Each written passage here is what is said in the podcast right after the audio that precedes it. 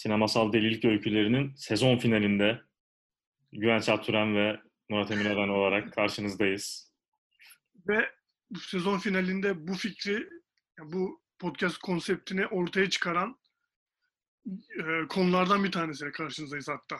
Belki Evet, de deliliklerden bir tanesi ya sinema tarihi. Evet, o büyük de, o büyük delilerden bir tanesi. Bütün bunların e, bütün bütün sezonu gerçekleştirmemize vesile olan deli. Sadece bu arada tek tek olayları konuşsan kendi içinden tek bir sezon bile çıkartabilecek bir e, konu, bir yapım, bir yönetmen. Gerçekten öyle. Yani ben hatta yeniden böyle işte malzemeleri şöyle bir gözden geçirirken elimizdeki hikayeleri, doneleri gözden geçirirken acaba yani bunun böyle yakın zamanda bir filmi milmi çıkar mı diye de düşündüm. Çünkü o kadar çok şey olmuş ki hakikaten şeyin içinde yani prodüksiyon aşamasında filmin ve yani söz konusu yönetmenimiz o kadar acayip şeyler yapmış ki ve acayip şeylere sonrasında da vesile olmuş ki yakın zamanda böyle işte herhangi bir platformda bunu izlesen şaşırmazsın. Hatta oturup böyle 3 bölüm 4 bölüm bayıla bayıla da izlersin. Gerçekten öyle. Bu arada söyleyelim e, şey hangi filmden bahsettiğimizi. E, Michael Cimino'nun devasa başarısızlık öyküsü Heaven's Gate'den bahsediyoruz. Cennetin kapısından. E, bu arada şey söyleyeyim bununla ilgili bir belgesel var. Hatta şey diye geçiyordu. Unmaking of Heaven's Gate diye geçiyor. Final Cut Unmaking of Heaven's Gate diye geçiyor ama yani kastettiğin şeyi anlıyorum tabii. Yani daha büyük bir prodüksiyon. Daha fazla insana bu mevzuyu duyurabilecek bir şeyden. Hani belki işte geçen bölümde konuştuğumuz e, Lost in La Mancha kalibresindeki bir şey olsa valla bayıla bayıla izleriz gerçekten. Çünkü dediğin gibi müthiş bir malzeme var burada.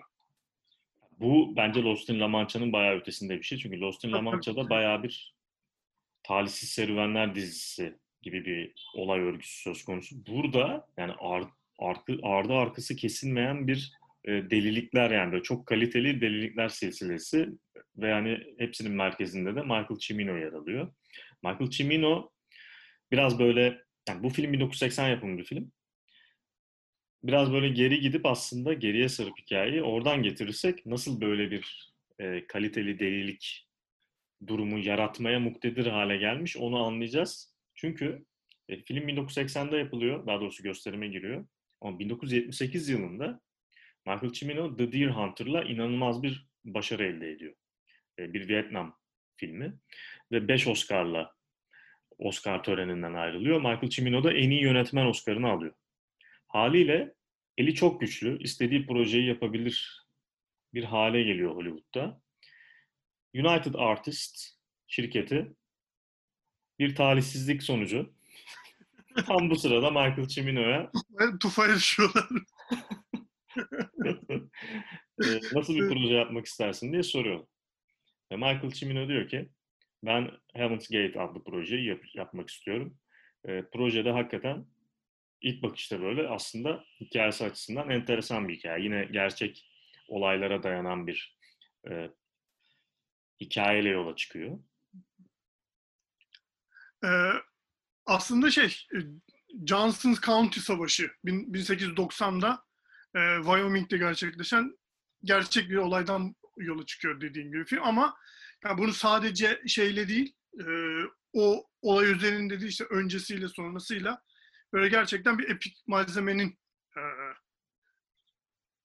epik anlatını malzemesine dönüştürme niyeti var Michael Cimino'nun ve aslında şöyle bu yani o western janrısı diye bildiğimiz şeyin belki de hani e, olabilecek en epik noktasına ulaşmaya gayret eden bir film olarak da e, bahsedebiliriz. Çünkü hani e, hem bu işte o westernlerin hepsinde bir şekilde hikayenin parçası olan işte o batı, vahşi batı mevzusunun böyle hani kökeninde yer alan bir olay bu. Ve hani bir yandan da e, işte çok böyle yüksek, figü, e, çok kalabalık figüran e, kadrolarıyla, işte çok görkemli savaş sahneleriyle, e, o dönemin yıldızlar topluluğu diyebileceğimiz tadında bir oyuncu kadrosuyla e, gerçekleştirmeye çalışan çalışılan bir proje. E, yani Heaven's Gate projesine muhtemelen Michael Cimino United Artists'e sunduğunda onlar da tüm bu bizim bahsettiklerimizi e, böyle bir gözden geçirip muhtemelen böyle ellerini ovuşturarak e, Oscar'lar geliyor diye beklemeye koyulmuşlardı muhtemelen. Johnson County olayı, daha doğrusu Johnson County olayından biraz belki bahsedebiliriz. Hani ne kadar böyle United Artist'in iştahını kabartan olayın ne olduğunu biraz hani daha iyi anlatabilmek için. Şöyle bir şey aslında, yani bir e, Wyoming'e bağlı bir bölge var ve genel olarak tarımla e, kalkınan bir bölge burası. İşte toprak sahipleri var vesaire ve mevsimsel işçiler geliyor buraya. Ve bu tarım işçileri çoğunlukla göçmenler. Ve işte baş, çoğu işte başka ülkelerden gelen yoksul insanlar. Haliyle bir noktadan sonra e, onlarla ilgili anlam veremediğimiz bugün ama oranın işte işte o ırkçı vesaire yapısıyla baş gösteren bir e, rahatsızlık oluşuyor. Hı hı. Haliyle hem toprak sahipleri hem işte Amerikan ordusu oraya müdahale etme doğru gidiyor iş ve e, burada bizim işte ana kahramanımız Chris Christopherson'un canlandırdığı James Averill adlı bir şerif göçmenlerin yanında yer alıyor ve bir direniş başlatıyorlar. E, bunu artık yani ister savaş diyelim, ister ister bir işte çatışma, direniş diyelim. E, ve Michael Cimino da aslında bu hikayeyi anlatmak istiyor ve Şerif'in gözünden bunu anlatmak istiyor. Haliyle yani bu, bu açıdan baktığımızda gayet böyle ilgi çekici, aa olur yani bunun filmi diyeceğiniz, e, izlenir de, bir sonraki sene de Oscar'da iddiası da olur falan diyeceğiniz bir film.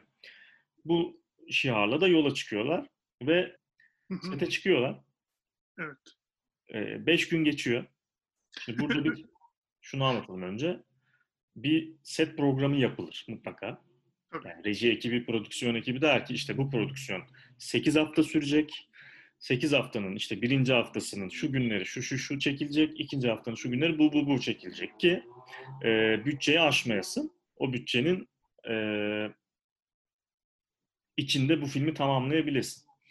Filmin ilk haftası tamamlandığında, ilk, pardon ilk 5 günü tamamlandığında Michael Cimino çekimlerin 5 gün gerisinde buluyor kendini. Bunun en önemli nedenlerinden bir tanesi de şu ki yani işte nasıl bir e, ya bunu artık mükemmelliyetçilik diyemiyorum ben. Çünkü hani biraz kontrolden çıkmış bir mükemmelliyetçilik bu. E, ya belki de işte Deer Hunter'la elde ettiği başarının altında e, ezilmeme gayesi olabilir. Yani dediğimiz gibi filmde çok e, ciddi figüran kadroları var ve e, filmde görülecek her figüranı Michael Cimino doğrudan kendisi seçiyor.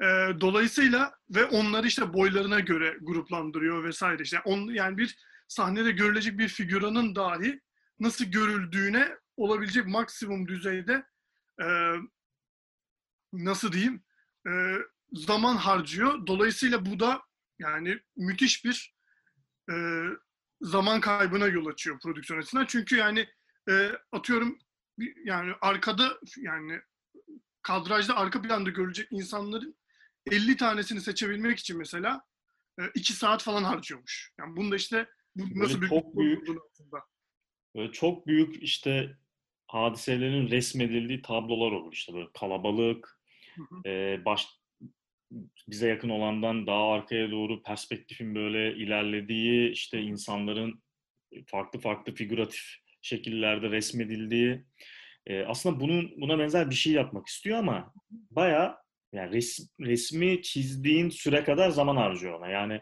işte bakıyor her figüranın işte boyuyla ilgileniyor, görüntüsüyle ilgileniyor, makyajıyla ilgileniyor. Onu kendi tutup bir yere yerleştiriyor, geliyor bir daha bakıyor. Ya bunu 200 kişilik bir sahne ve çok az zamanınız varken yaptığınızı işte bir yandan çünkü ışıklı ışığı kontrol etmeniz lazım. Bir sürü şeyi kontrol etmeniz lazım. Düşünürseniz haliyle 5 gün içinde bu adamcağız bir buçuk dakikalık bir görüntü çekmiş oluyor. Yani filmde kullanılabilecek hali bir buçuk dakika olarak bir görüntü elde etmiş oluyor. Tabii hemen alarm zilleri çalmaya başlıyor yapım tarafında ama daha bir, bir şey demiyorlar. Evet bu arada şey de söyleyelim. Ee, United Artist filmi e, 1979 sonunda vizyona sokup 1980 Oscar'ları için e, iddialı olmasını e, istiyorlar. Çünkü yani çok hani biraz da zamanla yarışıyor zaten prodüksiyon en başından itibaren. E, fakat dediğimiz gibi Michael Cimino'nun türlü tuhaflıkları e, ve türlü tuhaf reji tercihleri sebebiyle bu tabii ki sarkıyor. Bir tanesinden daha bahsetmek istiyorum. E, filmde yine önemli karakterlerden bir tanesini canlandıran Jeff Bridges ki yani o zaman daha böyle hani kariyerinin böyle yükseldiği dönemlerde henüz genç ve şey böyle yıldızı yeni parlayan bir aktör. Ee, bu filmin şeyini hazırlık sürecini Çimino kampı olarak adlandırıyor. O da e, yani karakterlerin bir sahnede ayaklarında işte patenler varken dans etmeleri gerektiği için onlara saatler sunacak e, paten antrenmanları yaptırıyor. Ve ondan sonra işte zaten film bahsettiğimiz gibi Western janrında ve e, at üzerindeyken hani belli işte çatışma sahneleri vesaire çekilecek. Bunlar için e, hazırlıklar yapılıyor. İşte filmde maalesef ki bugün tasvip etmemizin e, mümkün olmadığı işte horoz dövüşü sahneleri var. Bu filmden sonra şey e, bu konuda önlemler alınıyor, alınmasına dair adımlar atılıyor işte. Filmlerde kullanılacak hayvanların sağlığının e, gözetilebilmesi için. E, dolayısıyla zaten hani prodüksiyonun e, ne zam nasıl bir yere gideceği daha işte bu e, tek bir sahne için saatle belki de hani çok da elzem olmayan e, ama saatler sürecek eğitimlerin, derslerin yapılıyor olması e, da bir fikir verebilir. Yine o dönem biraz daha çömez aktör statüsünde olan Brad Dourif'in anlattığı şeyler var. İşte 57 kere çekilen sahneler, daha doğrusu planlar, işte 30-35 kere çekilen planlar, Michael Cimino'nun şeyde ısrar etmesi, daha 30 kere bile çekmedik yani niye bu kadar tekrardan bunu aldınız ki ben anlamıyorum diyor. Yani en az 32 kere falan çekmemiz lazım zaten gibi çıkışları oluyor ve yani bunu da şöyle bir mantığa bürüyor aslında. Bürüyor aslında. Diyor ki e, ya bir, bir sahnenin çok farklı duyguları olabilir. Ben bu duyguların hepsini kayıt altına almak istiyorum. Sonra kurgu masasında bakacağım diyor. Yani bir sahneyi hem ağlarken oyna diyor. Hem böyle biraz daha gülerken oyna. Hem başka bir duygu daha getir masaya bakalım nasıl olacak gibi denemeler yapıyor.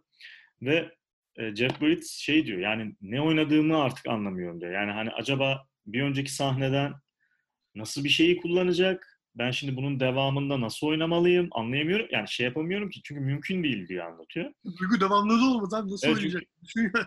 o yüzden teslim olup gidiyoruz diyor yani. Peki işte öyle mi diyorsun? Böyle yapıyor yapalım. Öncekinde böyle miydi? Öyleydi, öyleydi gibi. Böyle işte biraz böyle kör topal. Çünkü yani 57 take'in duygusunu tabii ki hiçbir oyuncu hakkında tutamaz. Hadi bunun birazında arıza olmuş olsun, bir sahne bir şekilde bölünmüş olsun ama yani tamamlanmış bir sürü sahne de şey e, çekim de var ellerinde. Oradan devam Hatta şey, ediyorlar. Şey, şey diyor ya oyuncular buna. Biz hani film çekiminde miyiz yoksa bir oyunculuk atölyesinde işte farklı duyguları vermeye çalıştığımız aynı sahneyi mi oynuyoruz? Karar veremiyoruz gibi şeyler söylüyor gerçekten. Hani yani bir yani ya tahvil edemiyorum gerçekten. Yani oyuncunun içinde duru, olduğu durum da çok acayip. Yani sonuçta karakterin tüm film içinde e, yani bir böyle hani kendi aksi içinde bir duygu tutarlılığı olması gerekirken aynı sahneyi hem çok neşeli bir şekilde ağlayarak oynamak durumunda kalması epey tuhaf zaten. Ee, benim için bu arada bütün bu film çekimleri boyunca Michael Cimino'nun yaptığı en büyük manyaklık ve hala güldüğüm, yani yıllardır güldüğüm bir, bir olay var. Ee, onu da anlatmak isterim. Ee, Çin meselesi. İnanılmaz. Benim de en sevdiğim bu arada. Yani Çin konusu gerçekten bence sinema tarihinin hatta böyle ilk top 5 manyaklıklarından olabilir bu. Bir çatışma sahnesi var ve yani böyle yüzlerce at, işte at arabaları, patlamalar, bilmem ne, insanlar, onların olduğu bir çatışma sahnesi ve bunun olacağı bir alan. Bu arazinin çimli bir arazi olmasını istiyor Michael Cimino. Ve yani çekim yaptıkları yerde de böyle araziler yok aslında. Çünkü şeyi görmek istiyorum diyor. Yani o çatışmayı bir yemyeşil çimlerin içinde görmek istiyorum gibi bir vizyon getiriyor ortaya. Fakat sorun şu, çim yok. Ekeriz diyor. E bu kadar geniş... E, e, e, bu çim ne zaman büyüyecek diyorlar. Bekleriz diyor. E, bir işte sistem kuruluyor oraya. Çimlerin daha hızlı yaşarması için. Onu bekliyorlar. Şeyler deliriyor. Prodüktör şey diye deliriyor. Ya zaten diyor bu kadar işte patlama olacak, şey olacak. Bu çimi kim görecek diyor ya Allah aşkına. çimi kim görecek? Niye böyle bir şeyle uğraşıyoruz? Dinlemiyor. Ve velhasıl bunu yapıyor ve tabii ki bu da çok inanılmaz bir zaman kaybettiriyor onlara. Hatta sırf bu çim mevzusu yüzünden ve yani işte yaptığı diğer bütün delilikler nedeniyle sırf e, bütçenin o dönemki haline yani 900 bin dolar ekstra yük biniyor. Yani 900 bin dolar inanılmaz bir rakam gerçekten. Z- Zaten bütün bütçenin yani toplam yola çıkarken önüne koyulan bütçeyi yüzde 200 oranında aşmışlar. Ve bunun sebebi de yani durdurmamalarının tek sebebi de şu hani harcadığımız da boşa gitmesin diyerek bütün filmi kurtarmaya çalışıyor ama daha çok harcıyorlar bu sefer. Gerçekten böyle ipin ucu kaçıyor bir yerden. Anlaşıl, öyle anlaşılıyor gerçekten. Ya zaten bir de beklemek de bu filmin hani prodüksiyon e, aşamasının sanırım böyle anahtar kelimelerinden bir tanesi. E, ya şey yani bu hani kabul edilebilir bir şeydir. Doğru ışığı beklersin. Hani işte güneşin konumunu, bulutların durumunu vesaire. Fakat bu filmin bir, bir sahnesinde e, çekmek için sabahın dördünde insanları sete topluyor Çimino. Fakat insanlar sadece bekliyor saatler boyunca. Saatler geçiyor, saatler geçiyor. E, ondan sonra öğleden sonra 3 oluyor. E, ve insanlar diyor ki biz daha yemek bile yemedik. Çimino da ne diyor? Yemek nedir ya diyor. Biz burada yemekten çok daha önemli bir şey yapıyoruz. Bu arada bütün bu deliliklerine stüdyo bir yere kadar şundan katlanıyor. Ee, bir işte bir ay sonra filan elinde böyle 5 dakikalık bir görüntü hazırlatıp bir şey kurgulatıp geliyor ve izletiyor onu yapımcılara. Yapımcılar diyor ki çok güzel görünüyor. Yani stüdyodakiler. Yani evet adam deli ama yapıyor. Yani e, Çalıyorlar ama çalışıyorlar. bekletiyor ama çalışıyor diyorlar yani. Ve tamam diyorlar yani hani bu da böyle birisi. E, bu da böyle bir metotla çalışıyor. Oscar'lı yönetmen. İşte daha geçen sene bu kadar başarısı var. Tamam biraz daha yani harcarız. Bir hit olur elimizde gibi bir şeye inanıyorlar. Ta ki işte bu çim, mim olayları falan gerçekleşene kadar ve en sonunda işte sette bir sürü her gün başka bir kaza, her gün başka bir bela yaşanana kadar en sonunda kendi çalıştığı yapımcıyı setten çekiyorlar. Stüdyodan başına birini dikiyorlar ve diyorlar ki yani şu şu şu sürede bitireceksin. Ee, bu zaman zarfında bu arada şeye sete bir muhabir sızıyor en sonunda. Yani önce Güzel şeyler oluyor belli ki yani. önce izinle yani işte bir röportaj talebi, set ziyareti falan gibi bir şey istiyor. İzin verilmiyor. Ee, adam daha da üzerine gidiyor ve diyor ki ya burada demek ki bir şey oluyor. Les Gapay adlı bir adam, bir muhabir ve figüran olarak sete giriyor. Günlüğü 30 dolardan figüran olarak sete giriyor. Birkaç gün çalışıyor sette ve her şeyi gözlemleme şansı oluyor. Sırf onun bulunduğu sırada 16 kişi yaralanıyor Evet. sette. Yani o kadar hani belalı bir şey. Ve yani bunun haberini de yapıyor zaten. Artık işte haber sızıyor, rezillik çıkıyor. En nihayet filmin çekimleri planlanandan işte aylar sonra bitmiş oluyor. Ve filmin çekimleri tamamlandığı noktada e, 50 film yani ellerinde 220 saatlik malzeme var. Yani bu da yani yani film makarası olarak hesapladığın zaman da yaklaşık 400 kilometrelik bir makara uzunluğu oluyor ki yani bu inanılmaz bir rakam tabii ki. Yani, yani 220 saatlik filmi kim nasıl kurgulayacak? Meselesi zaten bambaşka bir tartışma. Bir de hani kıyas için belki şöyle bir şey söylenebilir. Ee, yani yine böyle yapım süreci çok böyle olaylı olan, çok büyük badireler atlatılan e, Francis Ford Coppola'nın Kıyamet, Apokalips Now filmi yani sadece e, bunun yarısından daha az şey var. Makara harcanmış. Öyle söyleyebiliriz ya. Ki o da bayağı yani Francis Ford Coppola'nın gerçekten delirmenin ucundan döndüğü. O gerçekten akıl sağlığı şey gidiyor. Gidiyor geliyor bir noktadan sonra. E, ve bu arada şey dedik, e, kurgu dedik. O, o aşaması da çok enteresan. Hani filmi çektiler, bitirdiler. Sonra kurgulular gibi olmuyor. E, çünkü stüdyo artık bir şey görmek istiyor. Ve dolayısıyla hani kurgu aşamasına da zaten bir birçok kez müdahale ediyorlar. Filmin bir sürü farklı kurgusu ortaya çıkıyor vesaire.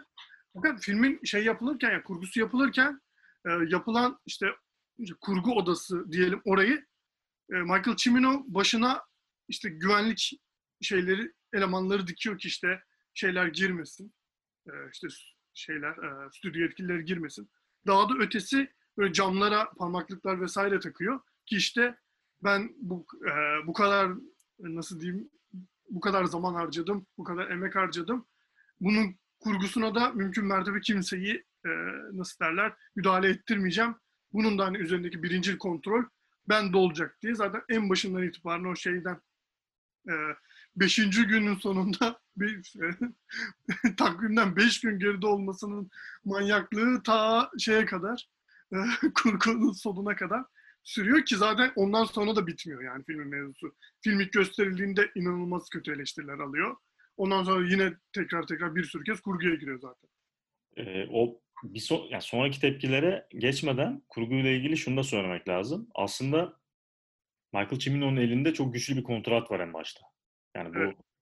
eli çok güçlü girdiği için prodüksiyona e, işte ben diyor final katı ben yaparım diyor. Benim kurgum yayınlanacak diyor vesaire o sözleşmede ama yani o şartlar işte prodüksiyon şartları işte gecikmesi etmesi vesaire nedeniyle zaten kaybediyor o üstünlüğü biraz.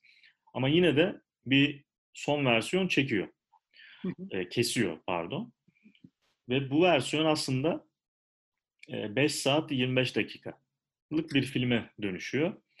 Ve işte çok uzun olmadı mı falan dediklerinde de şey diyor. Yani en fazla yani çok zorlasam 15 dakika falan keserim. Daha fazlası kesilmez bu filmin diyor.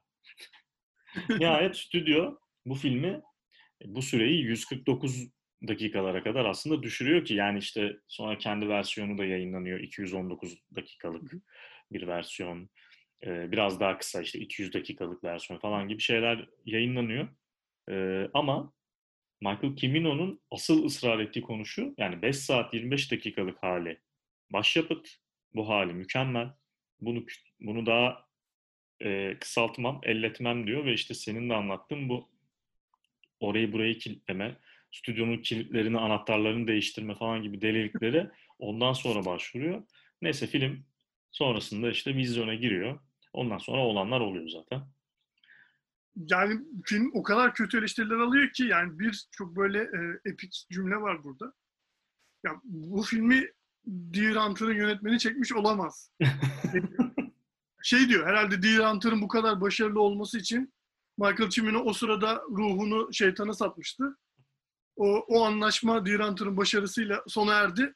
Şimdi şey e, şeytan borcunu göre tahsis ediyor bu film gibi şeyler söylüyor yani filmle ilgili. New York Times'ta çıkan bir eleştiride eleştirmen şöyle tanımlıyor filmi. Niteliksiz bir felaket. İnanılmaz bir tanım bu gerçekten. Yani bir felaket olarak bile hiçbir niteliği yok. Yani elle tutulur yanı yok gibi bir yorum yapıyor. Tabii Michael Cimino'nun şey bahaneleri var işte kurguma karıştılar bilmem ne vesaire öyle bahaneleri de var bu filmle ilgili. Fakat film gişede de çuvallıyor. Yani 40 milyon doların üzerindeki bütçesine mukabil 3,5 milyon dolar gibi gişeden çok korkunç bir hezimetle ayrılıyor. Hezimet denebilecek bir rakamla ayrılıyor ki yani hem eleştirmenlerin hem de seyircinin cezalandırdığı bir film oluyor ve sonrasında da aslında bayağı sektörü değiştiren şeyler oluyor. Çünkü yani United Artists e, çok büyük bir yapım firması. O sırada işte yani direkt Oscar'lık film çektirmek için işte Michael Cimino'yu getirebilecek, ona görev verebilecek kadar, işte onunla sözleşme imzalayabilecek kadar güçlü bir e, firmayken tüm, tüm bu bahsettiğimiz ve bahsedemediğimiz türlü delilikler sebebiyle United Artist gibi hani belki de Hollywood'u e, inşa eden şirketlerden bir tane. O şey, hani şey hani şeyden stüdyo dönemi. İşte o stüdyolardan bir tanesi olan United Artist Batman'ın işine geliyor. Neredeyse iflas ediyor. Ki onu da e, bir yıl sonraki e, vizyona giren James Bond filmi For Your Eyes Only kurtarıyor. Onun birden çok başarılı olması sayesinde. Evet, topu atacak noktaya geliyor. Sonra bir noktadan sonra zaten MGM satın alıyor. United Evet. Artists'i daha doğrusu yani elindeki arşivi satın alıyor daha çok. Ve şey de yani Michael Cimino'nun da kariyeri bayağı bir dip yapıyor ve 5 yıl boyunca zaten hiçbir şekilde film çekemiyor. Ya, film çekemiyor ve ondan sonrasında çektiği filmlerin de hani e, Deer Hunter seviyesinin çok çok altında olduğunu söyleyebiliriz. Mesela The Sicilian var Paul, Lam, e, Hı. Paul Lambert'lı yanlış hatırlamıyorsam hı. oyuncusunu. Yani gerçekten çok kötü bir Mario Puzo. Pardon Paul Lambert dedim Christopher Lambert. Yanlış söyledim adını. E, yani çok kötü bir Mario Puzo uyarlaması. Çok kötü bir hani e, atanamamış Godfather gibi bir film gerçekten ya. Bu arada e, hepsinin ötesinde ben Heaven's Gate'in çok da kötü bir film olmadığını düşünüyorum. Bugünden izleyince bence de çok kötü bir film değil. Yani bu kadar gömülecek bir film değil bence de. Yani tüm o etrafında yarattığı o Hı. e, olumsuz imajla vesaireyle yani yani yani hem şey olmasından ziyade hani e, beklentileri yükseğe çekmesinin de ötesinde acaba ne geliyor? Hı hı. Bu kadar konuşuldu, edildi vesaire. işte bu kadar insanlar yaralandı. e, bu kadar sorun yaşandı kurgusunda, çekiminde vesaire gibi bir e, ön nasıl diyeyim ön hazırlıkla izlendiğinde bu kadar kötü e, bir yorumla yorumlarla vesaireyle karşılaştığını düşünüyorum ben. Yani evet hiç seyirci dostu falan bir film değil. Yani o yüzden gişede e, başarılı olması anlaşılabilir ama eleştirmen nezdinde de e, o kadar hani gömülmüş olması bana şey geliyor. Yani bu bu tip nedenlerden ileri geliyor gibi. Amerika'da Çünkü yani baktığı zaman bu arada son şeyinde hani e, Criterion Collection Michael Cimino'nun onayladığı işte 219 dakikalık bir kurgusunu yayınladı filmi. Ben onu izledim. Belki de hani başka kurguları e, çok daha bir felaketle so- sonuçlanmış olabilir tabii. Bu arada e, 80'li yılları böyle felaketlerle geçirmiş olması hasebiyle Michael Cimino kendisine bir lakap takılıyor. Bu lakap Ayetullah.